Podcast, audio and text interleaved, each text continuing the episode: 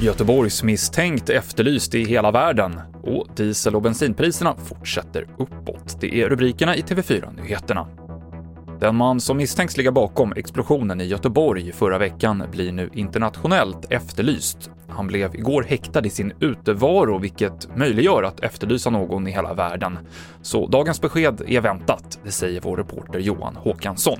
Eh, ja, man vill ju helst, eh, man vill ju helt enkelt inte utesluta den möjligheten att han kan ha begett sig utomlands och eh, riskera att hamna i en situation där man är bakbunden och inte kan få honom utlämnad från det land där han eventuellt då skulle ha flytt till. Det tycks ju ändå som att huvudteorin alltjämt är att han har stannat här i närområdet.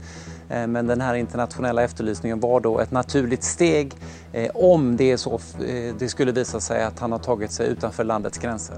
Mer om förra veckans explosion på Övre Husargatan på TV4.se.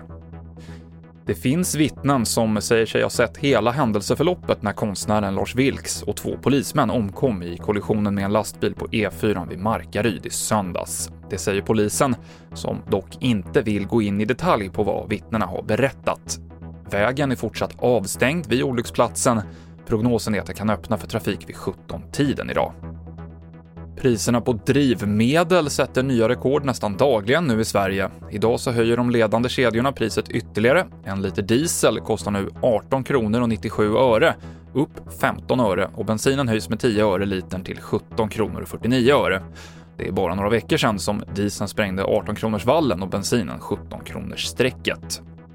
Till sist om speedway och spruta. Ikväll så möts Dackarna och Smederna i SM-finalen i speedway och Region Kalmar kommer att finnas på plats vid stadion i Målilla för att erbjuda covid-vaccin till publiken, det skriver regionen på sin Facebook-sida. Mer nyheter hittar du i appen TV4 Nyheterna. Jag heter Mikael Klintevall.